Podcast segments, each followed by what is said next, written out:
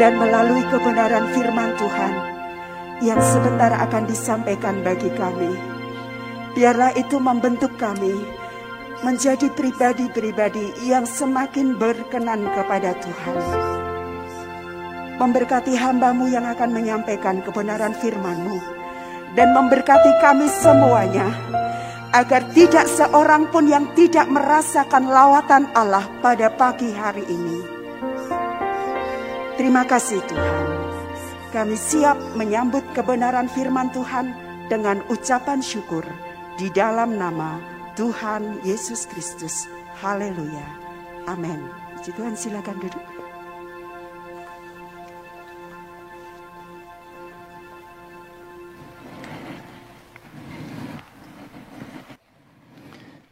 Iya, puji Tuhan, semua bersuka cita. Ini rasanya seperti ibadah sekolah kitab, saudara. Putih semua, saudara ya. Kalau sekolah kitab, kalau ibadah chapel itu harus putih semua, saudara ya. Puji Tuhan. Ya, selamat dari Paskah. Kita boleh menikmati perayaan Paskah dengan kondisi yang lebih baik. Ya, puji Tuhan. Langsung saja kita akan bersama-sama melihat firman Tuhan yang terdapat dalam Galatia 2 ayat yang ke-20. Galatia 2 ayat yang ke-20. Saya undang kita bangkit berdiri, kita akan baca ayat ini bersama-sama. Galatia 2 ayat 20, 2, 3. Namun aku hidup tetapi bukan lagi aku sendiri yang hidup, melainkan Kristus yang hidup di dalam aku, dan hidupku yang kuhidupi sekarang di dalam daging, adalah hidup oleh iman dalam anak Allah yang telah mengasihi aku dan menyerahkan dirinya untuk aku. Puji Tuhan, silakan duduk. Ya, hidup Kristus sudah diberikan bagi kita dan seharusnya hidup kita pun kita berikan kepada Kristus. Saudara kita tahu bagaimana sejarah kehidupan manusia ketika ada di Taman Eden, manusia diciptakan betapa sempurna. Manusia diciptakan serupa dan segambar Tuhan. Memiliki karakter ilahi. Tetapi tidak boleh lupa, Allah kita Allah yang luar biasa. Kenapa manusia ini dibuat Tuhan begitu luar biasa? Makanya nanti Lucifer marah juga, cemburu juga ya dengan manusia ini. Lucifer adalah malaikat yang diciptakan Tuhan walaupun dia punya kemuliaan, dia punya otoritas yang Tuhan berikan. Tetapi pada akhirnya malaikat jatuh dalam dosa. Dan Alkitab mencatat dalam kitab Ibrani, setiap malaikat yang jatuh dalam dosa, Tuhan tidak pernah menyayangkan. Artinya tidak berikan kesempatan untuk bertobat. Ya. Kalau saat ini terjadi fatwa baru gitu ya, walaupun tidak pernah terjadi Saudara ya, karena apa yang dikatakan Tuhan ya dan amin, Tuhan itu kebenaran. Tuhan tidak pernah mengubah fatwanya. Kalau fatwa bisa diubah tapi Tuhan tidak pernah mengubah Saudara keputusannya. Ya. Oh, malaikat-malaikat yang berdosa boleh bertobat gitu. Oh, saya tidak percaya Lucifer pertama kali, saudara. Inilah luar biasanya kita di hadapan Tuhan. Tuhan berikan kita free will, Tuhan tidak berikan kita menjadi manusia robot. Tetapi dengan free will ini, dengan kehendak bebas ini, manusia akhirnya memutuskan untuk berbuat dosa. Rusak, saudara. Tatanan yang Tuhan sudah buat menjadi rusak. Keharmonisan yang terjadi di Taman Eden menjadi rusak hubungan antara Allah dengan manusia terputus, terpisah karena dosa, Yesaya 59 itu. Hubungan antara manusia dengan ciptaannya menjadi tidak harmonis, hubungan antara ciptaan Allah dengan ciptaan yang lain pun tidak harmonis.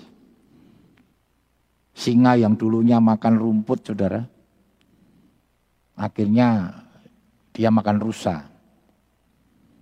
Terjadi ketidakharmonisan, ya tetapi situasi Firdos ini akan kembali nanti kalau kita membaca kitab Yesaya ketika kita berada di kerajaan seribu tahun damai.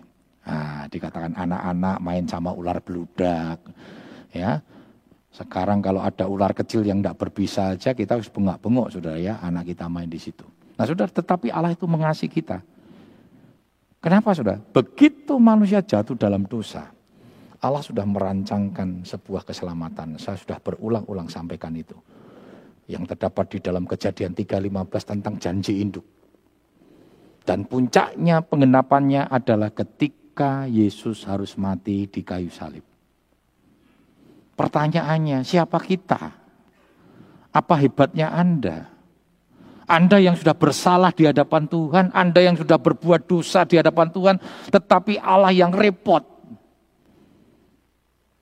Gak ada unsur dari kita untuk mempersiapkan proses keselamatan. Master plan Allah untuk menyelamatkan umat manusia sudah Allah kerjakan sejak ada di Taman Eden.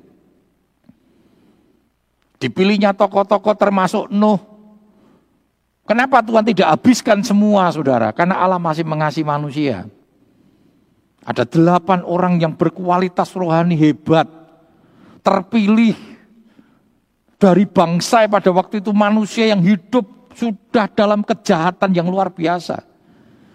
Dan nanti kejahatan manusia akan dibawa seperti zamannya Nuh. Kawin mengawinkan, makan minum. Dan sudah lihat ini hari-hari ini dosa seksual sudah terjadi, bahkan bukan hanya di luar gereja, bahkan di dalam gereja, bahkan bukan hanya untuk jemaat, bahkan aktivis hamba-hamba Tuhan pun banyak yang jatuh di dalam dosa-dosa itu.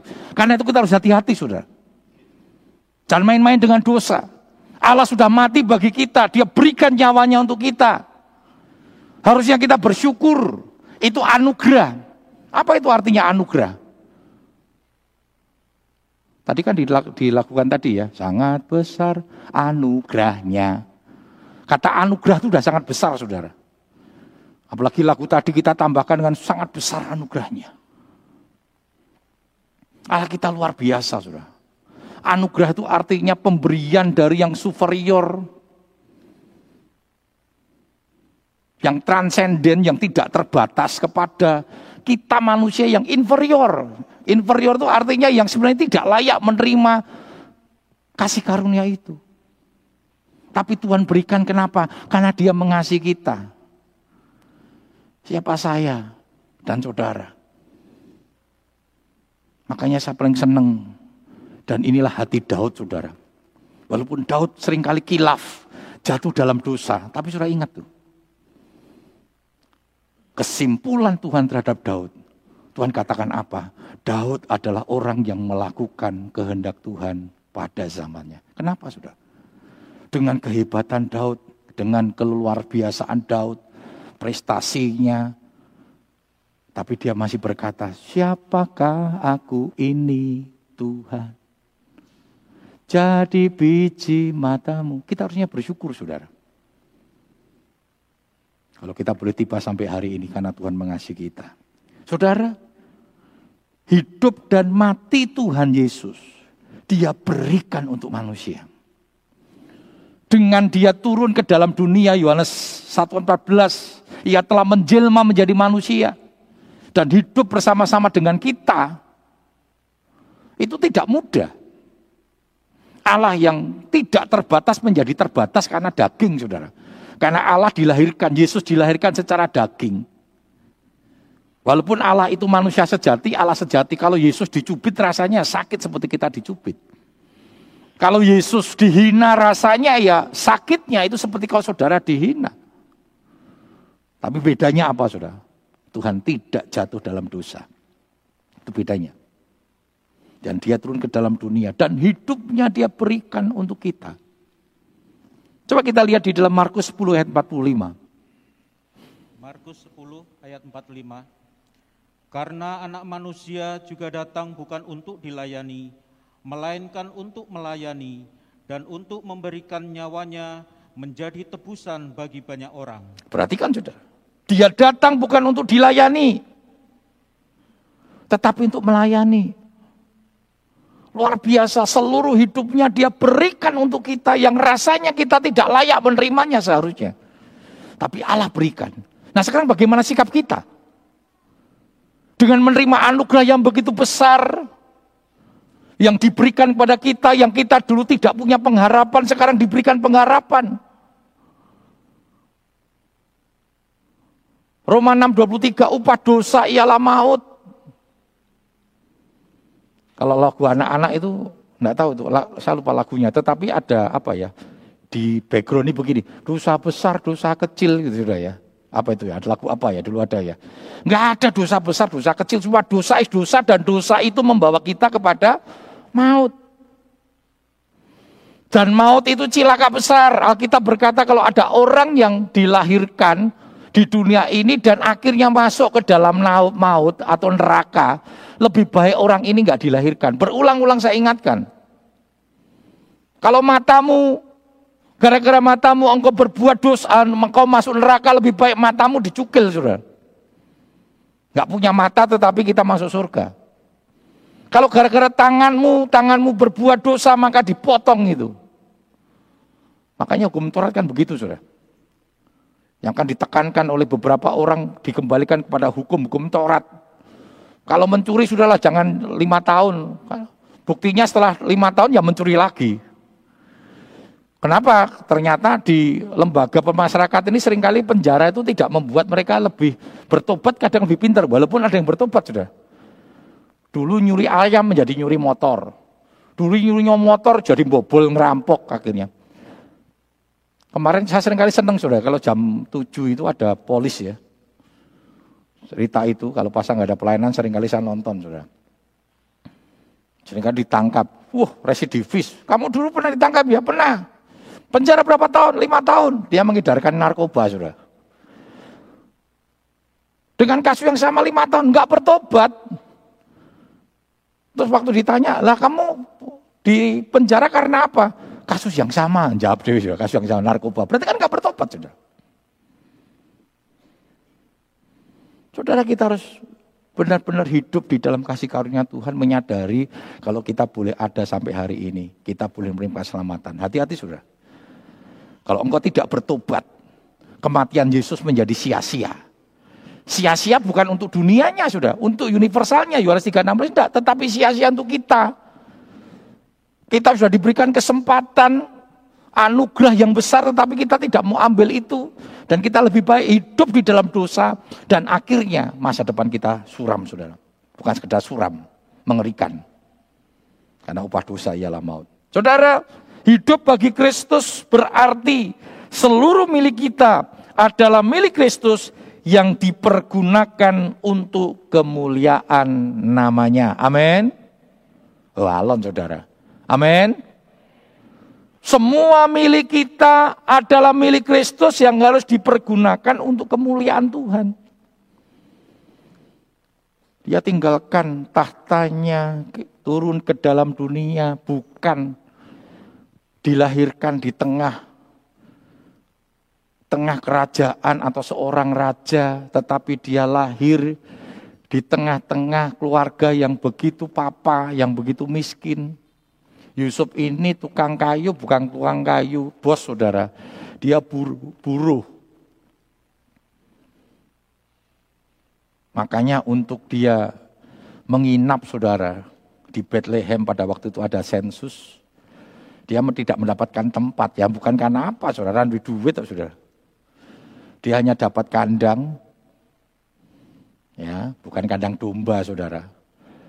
Zaman dulu hotel-hotel itu saudara beda dengan sekarang. Kalau hotel itu yang paling bagus adalah hotel yang punya tempat parkir luas, betul saudara ya. Untuk mobil-mobil. Zaman dulu enggak saudara. Tempat parkirnya bukan tempat parkir mobil, belum ada mobil. Tempat parkirnya tempat parkir binatang. Ya keledai, ya kuda. Jadi kandang itu bukan kandang domba saudara.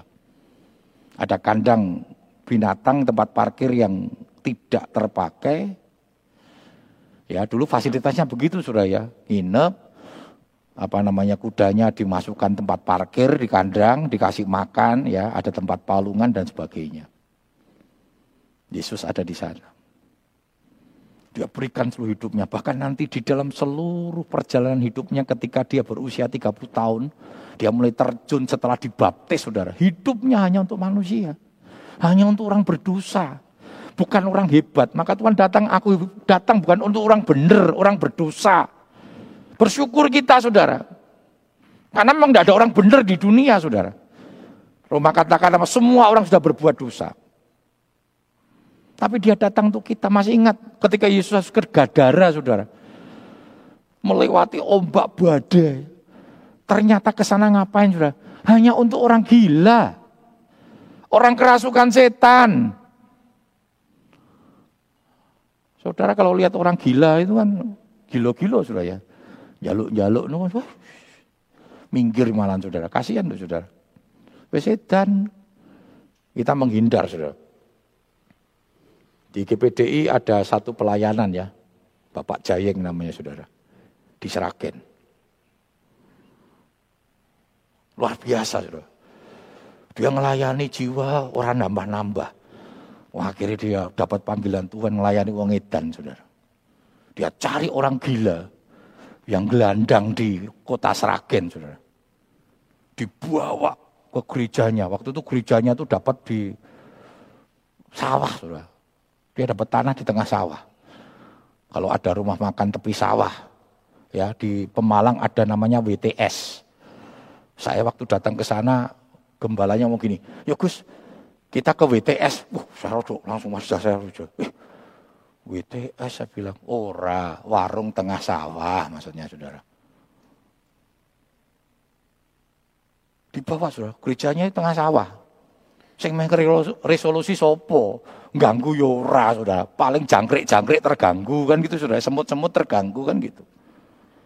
Enggak diresolusi sudah. Wes gede, bolong-bolong semua sudah. Wah dulu kasihan sudah. Tapi dia layani dengan setia sudah. Masalah ada orang gila di sampai rumah dicukuri, diadusi, dilayani dengan caranya dia sendiri. Wong dia ramu, ramu medis pokoknya ditumpang tangan didoakan sembuh. Wah dia setiap hari ngulai uang gila-gila sudah di di jalan di jalan-jalan di Seragen. Sampai akhirnya kedengaran dari luar kota ada keluarganya gila dibawa ke sana, dibawa ke sana itu ya bukan hanya penyembuhan daripada neng omah ngerusui wes gen ngerusui pendeta ini saudara. Dia layani dengan baik.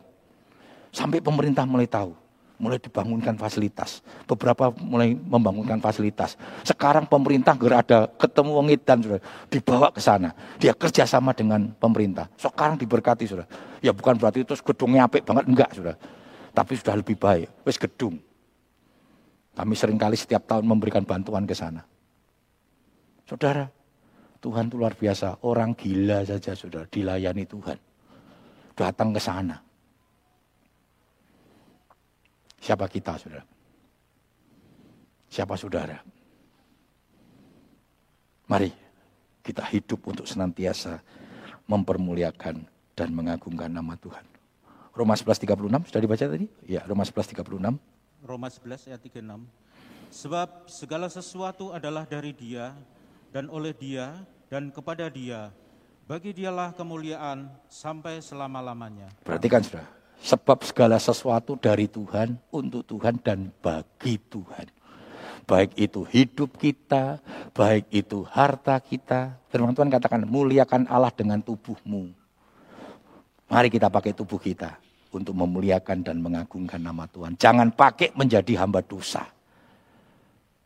Makanya Alkitab tadi katakan ya, kalau gar tubuhmu kau pakai untuk dosa, tanganmu kau pakai untuk dosa supaya kau masuk surga lebih baik dipotong itu. Tapi yang namanya manusia sudah, wong buntung itu enggak dosa sudah.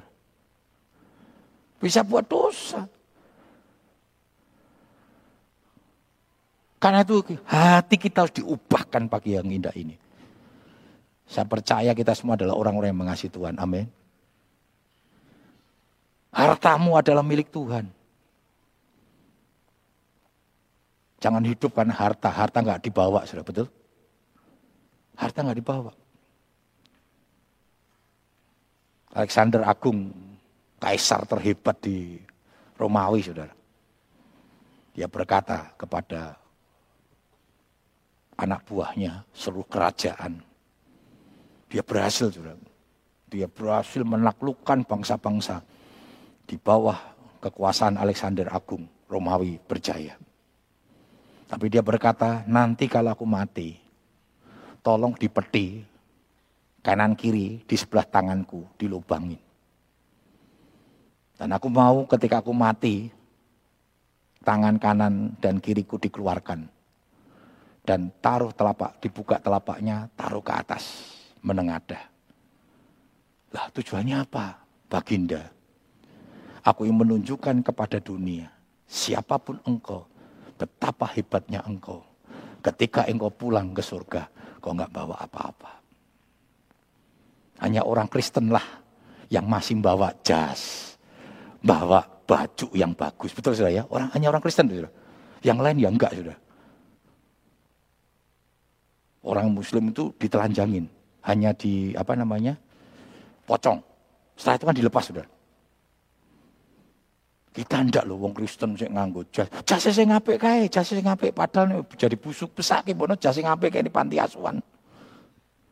Sepatu sing apik, ya, betul. Itu saja masih baju-baju dikasih di samping-sampingnya itu sebenarnya tujuannya bukan buat ganti di sana. Gen mayate ora gelundang-gelundung. Wong saudara kalau ngelihat ya, apalagi kuburannya orang Chinese sudah. Kuburannya orang Chinese selalu di bukit saudara itu kalau digotong saudara, wah, itu saya yakin kalau dibuka wis mungkin wis mengkurup saudara. Makanya di, apalagi orang diganjel. Karena diganjel, nah orang diganjel kan gludek, gludek, gludek, kono gludek, mesake. Sampai sing mati neng jurung, Mas, Mas, bu alon-alon to Mas, Mas.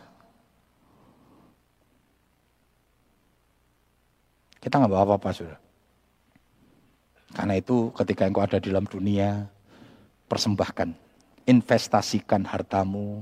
Ya apa menjadi milikmu nikmati saja. Bukan berarti terus, wah kabeh itu diserahkan sama Tuhan gitu.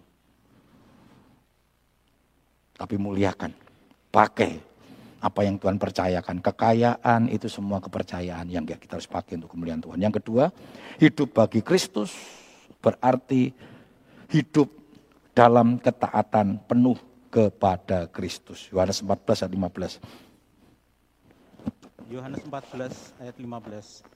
Jikalau kamu mengasihi aku, kamu akan menuruti segala perintah. Iya. Yesus sudah berikan nyawanya untuk kita. Tujuannya apa? Dia berikan nyawanya untuk kita supaya kita selamat. Nah, Tuhan mau supaya engkau selamat, caranya apa? Turuti segala perintahnya. Kenapa? Segala perintah Tuhan itu membawa kita kepada keselamatan. Persoalannya kan itu, sudah. Pemerintah membuat aturan. Tujuannya apa? Untuk kebaikan. Tidak ada peraturan itu dipakai untuk sesuatu yang salah. Betul nggak sudah? Peraturan-peraturan yang dilakukan oleh pemerintah itu kan semua prokes. Tujuannya apa? Ya untuk keselamatan kita. Wong konek kue ketularan, kena, terpapar, ya kita yang merasakan. Maka pemerintah berkata prokes, prokes. Kadang ngomong gelem. Eh ngapain nganggo masker, masker barang sesek dan sebagainya. Iya betul saudara. Demikian juga dengan peraturan-peraturan kebenaran firman Tuhan. Tuhan mau setiap peraturan-peraturan itu, setiap prinsip-prinsip nilai-nilai kebenaran firman Tuhan. Supaya saudara dan saya diselamatkan. Amin. Taat. Wong jone taat be Tuhan ku penak loh saudara diproteksi oleh Tuhan. Kalau sudah tidak mendapatkan proteksi Tuhan, pemeliharaan Tuhan, bukan karena Tuhan tidak mengasihi kita, karena saudara tidak mau taat, saudara lari dari proteksi Tuhan. Merasa hebat, merasa bisa tanpa Tuhan. Maka Yeremia 17 katakan terkutuk orang yang mengandalkan kekuatan manusia. Seperti Nuh dikatakan Nuh melakukan tepat seperti yang diperintahkan Tuhan. Abraham juga taat, maka Abraham itu dari kata Abraham menjadi Abraham, Saudara ya. Abraham itu artinya bapak orang percaya, bapak orang benar, bapak orang beriman. Dan Abraham sudah tunjukkan, disuruh pergi. Enggak saya protes, pokoknya lu mau dulu. Ke mana ya Tuhan? Pokoknya lungo nanti tak tunjukkan. Wah kan tak gampang sudah. Dan itu boyongan, bawa harta benda, bawa keluarga. Bukan pasti pada waktu muda Abraham keluar itu. Tapi kita lihat ya, ketika orang-orang yang taat kepada Tuhan, hidupnya diberkati. Bukan saja mendapatkan hidup kekal keselamatan, tetapi hidupnya selama di dunia, dia mendapatkan proteksi Tuhan. Amin. Yang ketiga, hidup bagi Kristus berarti hidup saling mengasihi. 1 Yohanes 4 ayat 8 sampai 11. 1 Yohanes 4 ayat 8 sampai 11. Barang siapa tidak mengasihi, ia tidak mengenal Allah, sebab Allah adalah kasih. Dalam hal inilah kasih Allah dinyatakan di tengah-tengah kita, yaitu bahwa Allah telah mengutus anaknya yang tunggal ke dalam dunia, supaya kita hidup olehnya. Inilah kasih itu, bukan kita yang telah mengasihi Allah, tetapi Allah yang telah mengasihi kita dan yang telah mengutus anaknya sebagai pendamaian bagi dosa-dosa kita. Saudara-saudaraku yang kekasih, jikalau Allah sedemikian mengasihi kita, maka haruslah kita juga saling mengasihi. Ya 12 bisa ditambahkan. Tidak ada seorang pun yang pernah melihat Allah. Jika kita saling mengasihi, Allah tetap di dalam kita dan kasihnya sempurna di dalam kita. Perhatikan saudara. Allah menyelamatkan kita. Paskah ini memperingati kasih Allah. Karena begitu kasih Allah yang besar. Sehingga ia mengkaruniakan. Kata besar. Itu tuh karena tidak ada bahasa yang mampu diterjemahkan. Sebenarnya kalau boleh diterjemahkan begini saudara. Kata mengasih, uh, karena begitu besar kasih Allah yang besar itu. Karena begitu sangat amat luar biasa besar. Harusnya begitu saudara. Kebesaran kasih Allah luar biasa. Maka dikatakan maha besar. Kata maha besar itu enggak ada batas. Maha pengampun. Maha sabar. Hati-hati sudah ya. Jangan pernah berkata hati-hati kesabaran Allah ada batasnya. Enggak ada. Kesabaran Allah itu enggak ada batasnya saudara. Kalau dibatasi berapa kali ada berbuat dosa. Sudah berkali-kali kalau dihitung sudah ya, ribuan kali sudah berbuat dosa, betul nggak? Oke, latihan aku kulintang ditegur nesu, dosa enggak saudara? Ayo berapa kali? Ayo dihitung sing aku kulintang sering nesu. Kesuwen nesu, ayo kayak dosa terus saudara. Agi masalah angklung kulintang. Hurung masalah dodolan. Saudara dagang nih omah, dinyang, mbak larang mbak. Intok regone semene gawe dhewe tuku ning kono rasan tuku ning kene. Nesu dosa. Masalah angko kelintang sudah ribuan masalah dagang ribuan bek bojone ribuan kali. Gitu so Mas detail semene. Ya semono gajiku ngapusi? Ya ribut dosa. Ya toh? Maka Tuhan ampuni itu sudah Oh, no, sik sombongi ra mbek Tuhan Yesus. Berapa banyak kita sombong sama Tuhan. Tuhan tuh ngasih kita, sudah. Kalau sampai engkau tidak mendapatkan kasihnya karena kita meninggalkan kasih Tuhan. Allah kita bukan kita nggak dijadikan robot yang dipaksa Tuhan ke sini. Kamu harus mengasihi aku enggak, saudara. Kita punya free will, kehendak bebas ketika engkau mau mengasihi Tuhan. Kasihlah Tuhanmu karena engkau sadar bahwa kasih Tuhan terlalu besar sehingga kita belajar untuk mengasihi. Dan yang utama, kita saling mengasihi. Saya berkata, aku mengasihi Tuhan, engkau tidak mengasihi saudara. Ngomong kosong. Matius katakan apa? Kasihlah Tuhan Allahmu dengan segala hatimu, dengan segala kekuatanmu. Itu hukum yang utama dan pertama. Dan hukum yang kedua yang sama dengan itu artinya walaupun urutannya kasih Tuhan pertama kali tetapi kualitas kasih itu harus sama. Apa itu? Kasihlah sesamamu manusia seperti dirimu sendiri temen seangklung kulintang ya koncomu. Suamimu itu sesamamu. Jemaat saling jemaat adalah sesamamu yang harus saling mengasihi. Luar biasa, sudah. Kalau kita tidak mengasihi, sama saja engkau tidak hidup bagi Kristus. Mari, di Paskah ini, firman Tuhan datang sama kita. Hidupnya sudah diberikan kepada kita, dan itu clear dan real. Nyata. Sekarang pertanyaan tinggal kita. Sudahkah hidupmu bagi Tuhan? Apa yang kau kerjakan selama hari ini? Dengan hidupmu. Sudahkah kau mengasihi Tuhan dengan sungguh-sungguh? Dan itu engkau ekspresikan di dalam rumah tanggamu, di dalam pekerjaanmu, di dalam pelayananmu. Engkau mengekspresikan bahwa engkau mengasihi Tuhan. Sebentar kita menikmati tubuh dan darahnya. Perjamuan kudus tidak hanya diperingati pada hari Paskah. Setiap minggu pertama kita peringati. Kenapa? Karena Yesus bangkit pada hari Minggu pertama. Dulu ibadah hari Sabat, saudara. Hari Sabtu. Tapi semenjak kematian Yesus, gereja mengubah menjadi hari Minggu. Kenapa? Karena hari Minggu itu adalah hari kemenangan, hari kebangkitan akan kita akan menikmati tubuh dan darahnya dengan iman kepada Tuhan.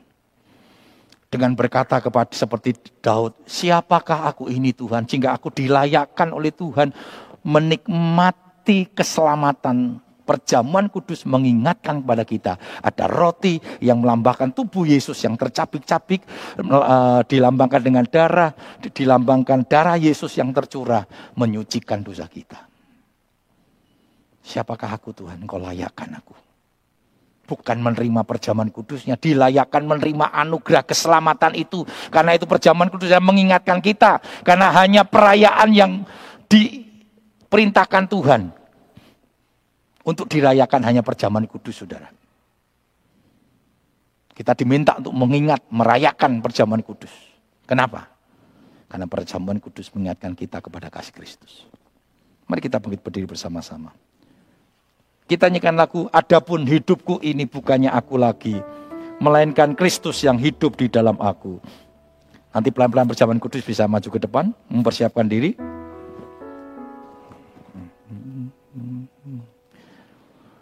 Terima kasih Yesus.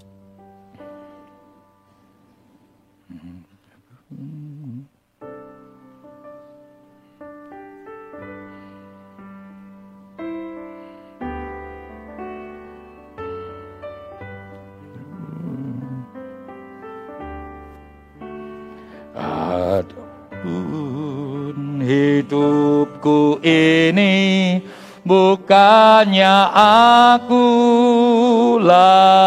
lagi melainkan Kristus yang hidup di dalam aku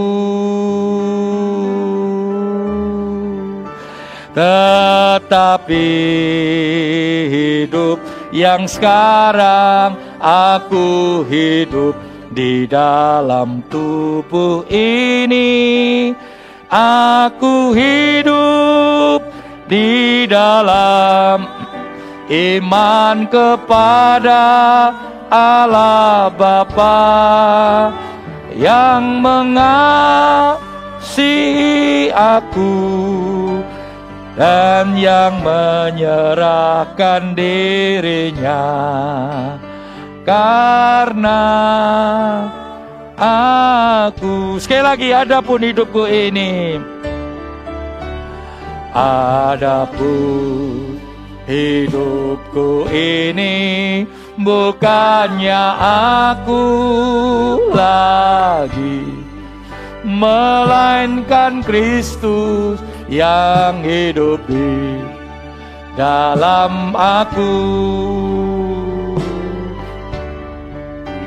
Tetapi hidup yang sekarang aku hidup di dalam tubuh ini.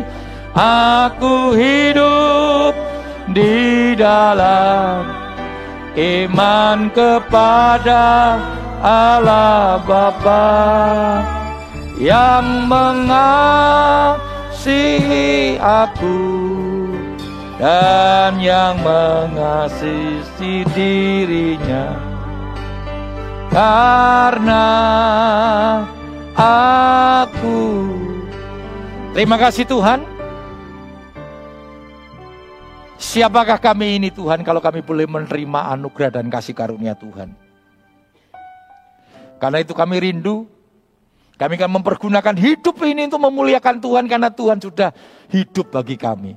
Bahkan Tuhan sudah serahkan seluruh hidup Tuhan. Nyawa Tuhan. Untuk keselamatan jiwa kami. Terima kasih Tuhan. Sebentar kami akan menerima tubuh dan darahmu. Kuduskan, sucikan kami semua untuk menerima tubuh dan darah Yesus. Layakkan kami para pelayan-pelayanmu Tuhan. Dan biarlah perjaman yang kudus boleh menjadi berkat kami. Kami akan menikmati dengan satu caman syukur. Hanya di dalam nama Tuhan Yesus Kristus. Kami sudah berdoa. Haleluya. Amin.